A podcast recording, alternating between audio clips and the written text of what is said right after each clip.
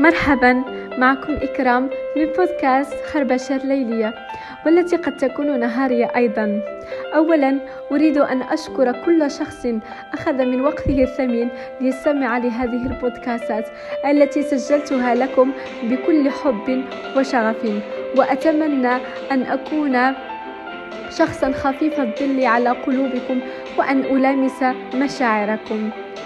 وأتمنى أيضا أن تكون رحلتي معكم رحلة رائعة وأنا متأكدة أنها ستكون رائعة وجميلة.